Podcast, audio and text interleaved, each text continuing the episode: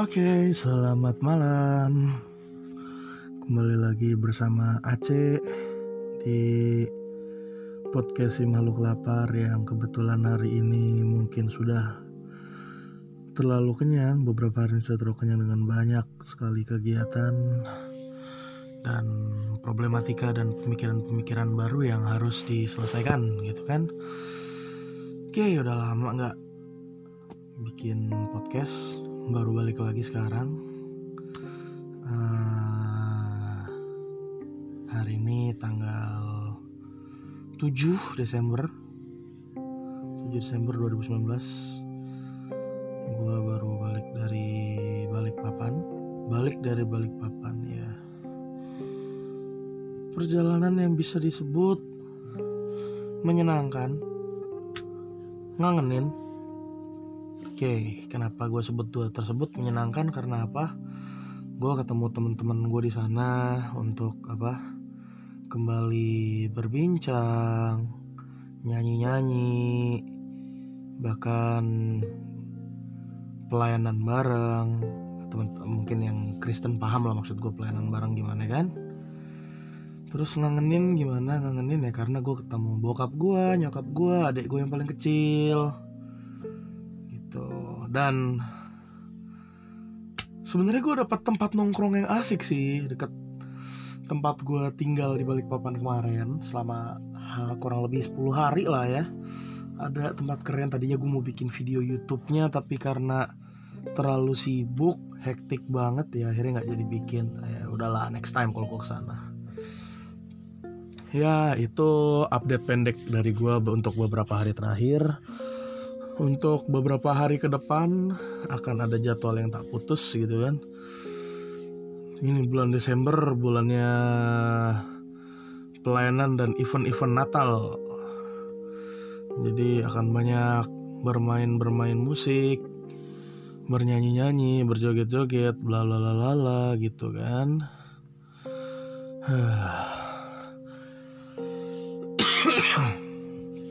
malam ini gue mau bahas apa enaknya ya?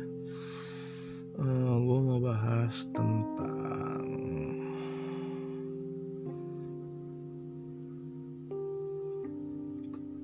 nah lo kan DPR ya gue mau gue gue mungkin malam ini pengen ya ngomong-ngomong apa yang ada di kepala gue aja sih. Gue pengen keluarin apa yang ada di kepala gue malam ini gitu toh. Oke. Okay. jadi di beberapa bulan terakhir bukan beberapa bulan sih berapa minggu terakhir gue banyak trip kebetulan. Sebelum ke Balikpapan seminggu sebelumnya gue dari Bandung. Bareng Yul dan Dustin yang ada di episode sebelumnya. Gitu kan jalan-jalan bercengkrama ngobrol-ngobrol. Main anjing main literally main anjing di rumah guguk. Kalau lo yang ke Bandung dan pernah ke rumah guguk mungkin akan lebih relatable sama apa yang gue katakan gitu kan ke rumah guguk. Terus juga makan malam di Sudirman Street untuk kawan-kawan yang bisa makan makanan haram. Sudirman Street boleh kamu mampir kamu. Banyak makanan-makanan haram yang enak dan harganya bisa dicari yang murah. Aduh gitu. Jalan-jalan nurunin tensi pikiran di kepala tenang gitu kan. Terus beberapa hari setelahnya gue langsung berangkat balik papan. Dan ternyata gue baru nge resepsinya pernikahan temen apa sekelas gue itu hari ini. Dan gue pas temen gue ngechat di grup udah ada yang di tempat resepsi belum? Aduh, gue baru inget iya hari ini. Dan gue juga lihat dari updateannya orang kantor temen gue, ternyata juga dia nikah hari ini dan hari ini, berapa berapa minggu terakhir gue banyak banyak dengar orang nikah. Terus juga di akhir apa di di tanggal di minggu-minggu ke depan masih ada temen teman dan junior gue yang akan merit gitu kan. Wah, gila bener-bener apa bulan-bulan yang banyak ber ber bernya anta kalau lu anak-anak musik lu akan banyak job atau mungkin temen lu banyak yang merit gitu kan ya, ya itulah. Dilem dilematika bulan ber. Dan banyak event nikahan. Oke. Okay. btw gue ngerekam ini di kamar sambil rebahan menikmati kasur yang sudah hampir 10 hari tidak saya jamah. Ternyata dia masih empuk seperti biasa. Kamar adem cuma sedikit berantakan aja sih. Karena udah lama nggak di apa nggak dijamah hmm. dan bah dan baru aja gue inget ada pesanan bikin minus one belum gue kerjain mungkin gue kerjain senin pagi mungkin atau selasa pagi. Nggak tahu. Kita letar aja berita berapa hari terakhir yang ada di kepala gue kayaknya Garuda deh. Mengingat juga tadi gue pulang naik Garuda. Kenapa di kepala gue teringat soal Garuda? Sebenarnya rada konyol sih menurut gue karena yang nemuin tuh yang nemuin kejanggalannya adalah menterinya sendiri. Berarti menterinya jeli gitu. Apa yang janggal-janggal dilihat diperiksa ih ketahuan gitu tau itu kerja yang bener. Gue gue sih gue sih salut sih sama Pak Erik Pak Erik Thohir anda mantap Pak. Anda mantap. Jadi sampai kebongkar kayak gitu bu Su, bu apa bu bu Sri pun sampai tahu. Wah duh orang bea cukai tahu gokil sih. Memang gue jujur gue nggak baca beritanya dari awal skenario apa skenario lagi apa kayak penangkapannya seperti apa segala macam geledahnya apa segala macam gue cuman tahu sebelah. Tapi yang gue tahu kalau sudah tindakan seperti ini sih dan bisa tangkap ditangkap kayak begini dan alur keuangannya bisa dilacak wah ini sih menurut gue sih untuk setingkat menteri melakukan itu dengan cukup cepat dan KPK kalah cepat wah. Ya gue sih angkat jempol Pak Erik. Anda mantap Pak. Anda mantap. Dan ini ini mungkin uh, pikiran gue aja sih sebenarnya sih tapi ada nggak sih kemungkinan buat Bu Susi naik jadi apa jadi menteri? Ya menteri bukan. Jadi ke, jadi dirut Garuda. Mengingat ya kan beliau sudah tidak di apa sudah tidak jadi menteri KKP ya. Aku lupa deh menteri KKP eh, ya menteri KKP sudah tidak jadi menteri KKP terus beliau juga memiliki pengalaman di dunia penerbangan. Maksud maksud gue punya pengalaman di penerbangan dia tuh punya punya susi air gitu lah. Istilahnya dia punya penerbangannya sendiri dan kalau kalau sampai nanti Bu Susi yang kelola Garuda dengan gayanya dia dan standarnya dia yang menurut gue sih untuk untuk selama pekerjaannya jadi menteri sih tuh termasuk yang di luar ekspektasi sih dan gue yakin Garuda bisa a whole new level gitu. Keren sih. Tapi kita nggak tahu apa apa apa saja step yang akan Pak Erik lakukan di ke depannya. Mengingat ini juga mau tahun baru apakah kementerian akan tutup anggaran dulu? Baru nanti rapat anggaran lagi di awal tahun nggak ngerti juga. Tapi gue gue juga sempat dengar Pak Erik ngomong katanya beliau ada rapat mingguan gitu kan. Ya kalau bisa diselesain cepet sih asli pak. Saya salut tuh bapak sih. Kecepet banget kerjanya pak. Bapak gokil. Tuh. Itu berita pertama yang gue tangkap berita kedua Duh, rada sensitif. Pengen gue bahas. Podcast masih yang denger dikit ya kan? Aduh adalah bahasanya lah. Jadi sedikit bahas soal 2 Desember kemarin. Menurut gue sudah saatnya warga Indonesia khususnya kawan-kawan kita saudara-saudari kita sebangsa setanah air ya kan? Untuk udahlah ayolah kita berdamai lah udah dong dan kita akhiri kita akhiri hal-hal yang memancing perpecahan. Sudah dong. Istilahnya yang sudah berlalu biarlah berlalu. Yang baru sudah datang. Kita songsong hari yang baru maju kembangkan Indonesia bersama.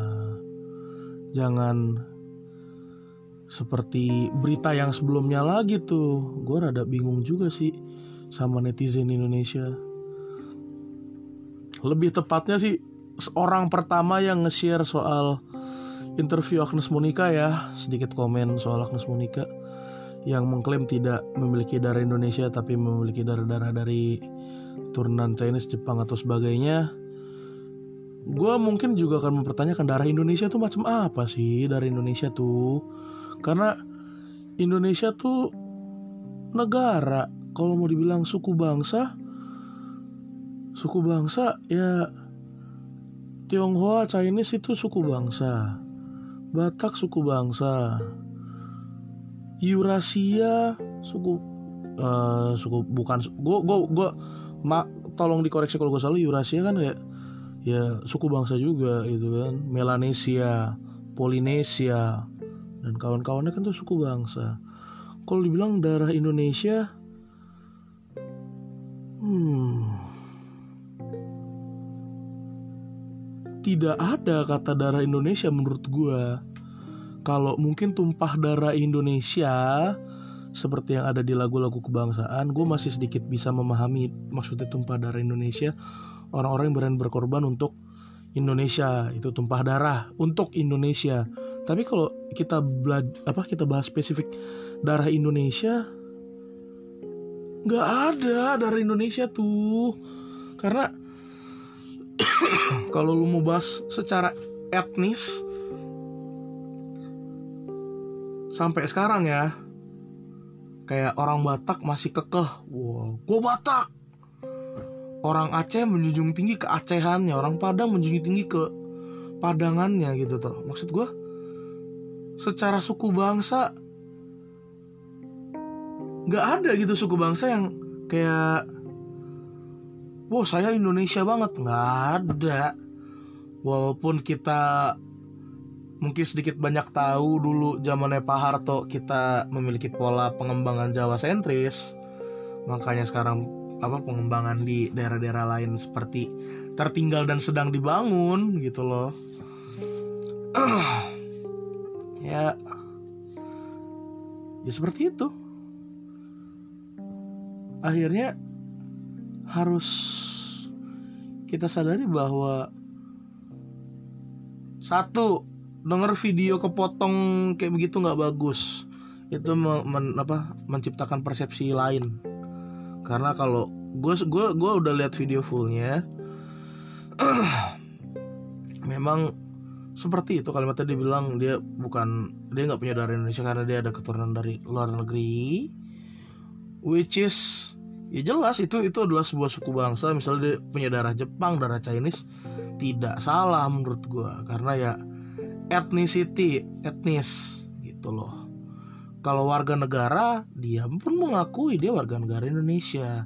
Dia membawa kebudayaan Indonesia gitu di dalam apa yang dia lakukan. Ini yang akhirnya orang Indonesia harus perlu tahu full videonya. Gitu loh soalnya gini menurut gue udah udah terlalu banyak orang yang berjuang untuk bangsa ini tapi dipandang sebelah mata. Dipandang sebelah mata gimana maksud gue kayak apa ya?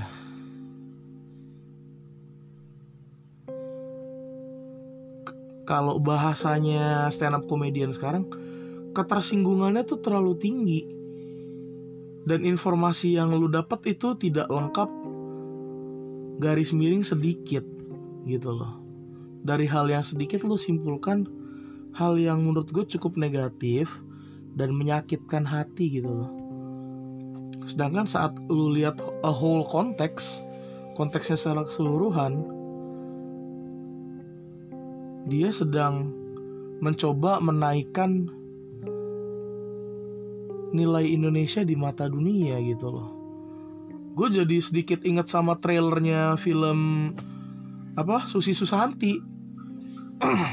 Yang beli apa yang apa Ibu Susi Susanti ditanya pas waktu itu lomba. Apa apa di apa apakah Bu Susi cari suaka ke Indonesia apa segala macam karena kan pada zaman tersebut ya kita tahu bersama etnis Tionghoa kan sangat-sangat ditekan mengingat juga 98 ada ada pembantaian apa segala macam nggak nggak tutup mata loh dari sejarah kita kita kita kita ketahui bersama tapi ya Ibu Susi tetap berkata dia Indonesia Nah kita harus apa ya? Ya sadar sebenarnya sih. Secara secara darah, darah dan kewarganegaraan tuh beda. At least menurut gue ya, kalau menurut lo darah dan kewarganegaraan itu jadi satu, berarti lo menganut paham apa? Menganut paham Cina mungkin. Ius Ius apa? Iu sanguinis kalau gue gak salah ya. Jadi etnis dan kewarganegaraan itu berdasarkan keturunan. Jadi lo lahir di Indonesia, lo punya dari Indonesia gitu. Ya, gua gua gua tidak akan terlalu banyak bahas ke situ, tapi menurut gue ya, ya gini loh. Pertama yang harus disadari adalah Indonesia beragam ribuan suku dan kebudayaan tumbuh di bangsa ini. Kalau dibilang darah Indonesia, nggak ada yang benar-benar dari Indonesia, karena Indonesia itu beragam. Yang namanya yang namanya beragam itu nggak bisa lu samain jadi satu, gitu loh. Unity sama uniform itu beda. Persatuan dan keseragaman tuh beda. Namanya persatuan itu nggak pandang perbedaan kalau keseragaman dipaksakan yang hal-hal yang berbeda untuk jadi sama misalnya kayak lu sekolah harus pakai seragam karena aturan lalu kuliah lu beda-beda satu fakultas, satu kampus, tapi tetap unity. Oh, gue kampus ini. Malah lu kalau lu ke tingkat yang lebih besar seperti sebelum pelantikan presiden, kami aliansi mahasiswa nggak mau RUU yang kayak begini, begini, begini, begini. Itu unity. Nah, yang perlu kita adopsi secara umum adalah unity ini di mana kita kita pertama embrace dulu terima dulu bahwa kita berbeda tapi kita punya satu misi yang sama untuk membawa bangsa ini ke arah yang lebih baik memajukan bangsa ini menaikkan derajat bangsa ini di mata dunia. Itu dulu. Jangan dengan info yang seadanya lu ngejudge gitu loh. Info yang separoh lu terima dan akhirnya lu reimpretasikan lagi ke muka umum menurut gue sih sudah setara hoax. Karena makna utamanya tuh tidak disampaikan secara lengkap. Gitu loh. Itu sih apa keresahan gue soal doh persatuan Indonesia ini loh sila ketiga. Sedih baca sedih dengernya ngelihat beritanya gitu loh sampai seperti ini. Ya itu sih yang gue pikirin nih berapa hari terakhir? Aduh. Mungkin udah kali ya.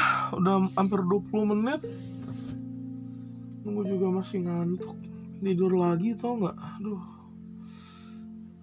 Berapa hari ke depan bakal nggak putus. Jakarta terus Depok ya sekitar-sekitar. Masih Jabodetabek sih tapi ya padet gitu. Dan gue yang masih jet lag ini walaupun cuma dari balik papan Aduh, gue mending istirahat deh. Soalnya gue di sono. Gue di sono tuh bangun tuh di jam 5 waktu Indonesia Barat. Jadi sebenarnya gue bangun selalu lebih awal dan tidur telat itu jadi gue hidup di sana hampir kayak berapa belas jam Masa lagi ngapain? lagi rekam podcast Ya. Baju laundryan gue ada nggak ada dah. ya, ntar lu tanya ke sana Lu pernah nggak? enggak gue komplit komplit aja Baju kemeja hitam gue sama tank topnya nggak ada dah. Ntar tanya ke sana ya intermezzo kawan-kawan intermezzo dari adik gue yang laundryannya hilang. Nggak apa-apa lah ya dikit-dikit lah ya. Ya udah itu aja sih mungkin kalau gue kalau ada kritik saran boleh ditaruh di email gue yang ada di itu di ya di itulah. Di deskripsi podcast boleh kalau ada yang mau diobrolin. Dah itu aja kalau dari gue deh terima kasih sudah mau mendengarkan ocehan si makhluk lapar. Dan gue akan kembali beristirahat mengingat paginya harus langsung beraktivitas lagi. Terima kasih kawan-kawan pendengar. Sampai jumpa di rekaman podcast selanjutnya. See you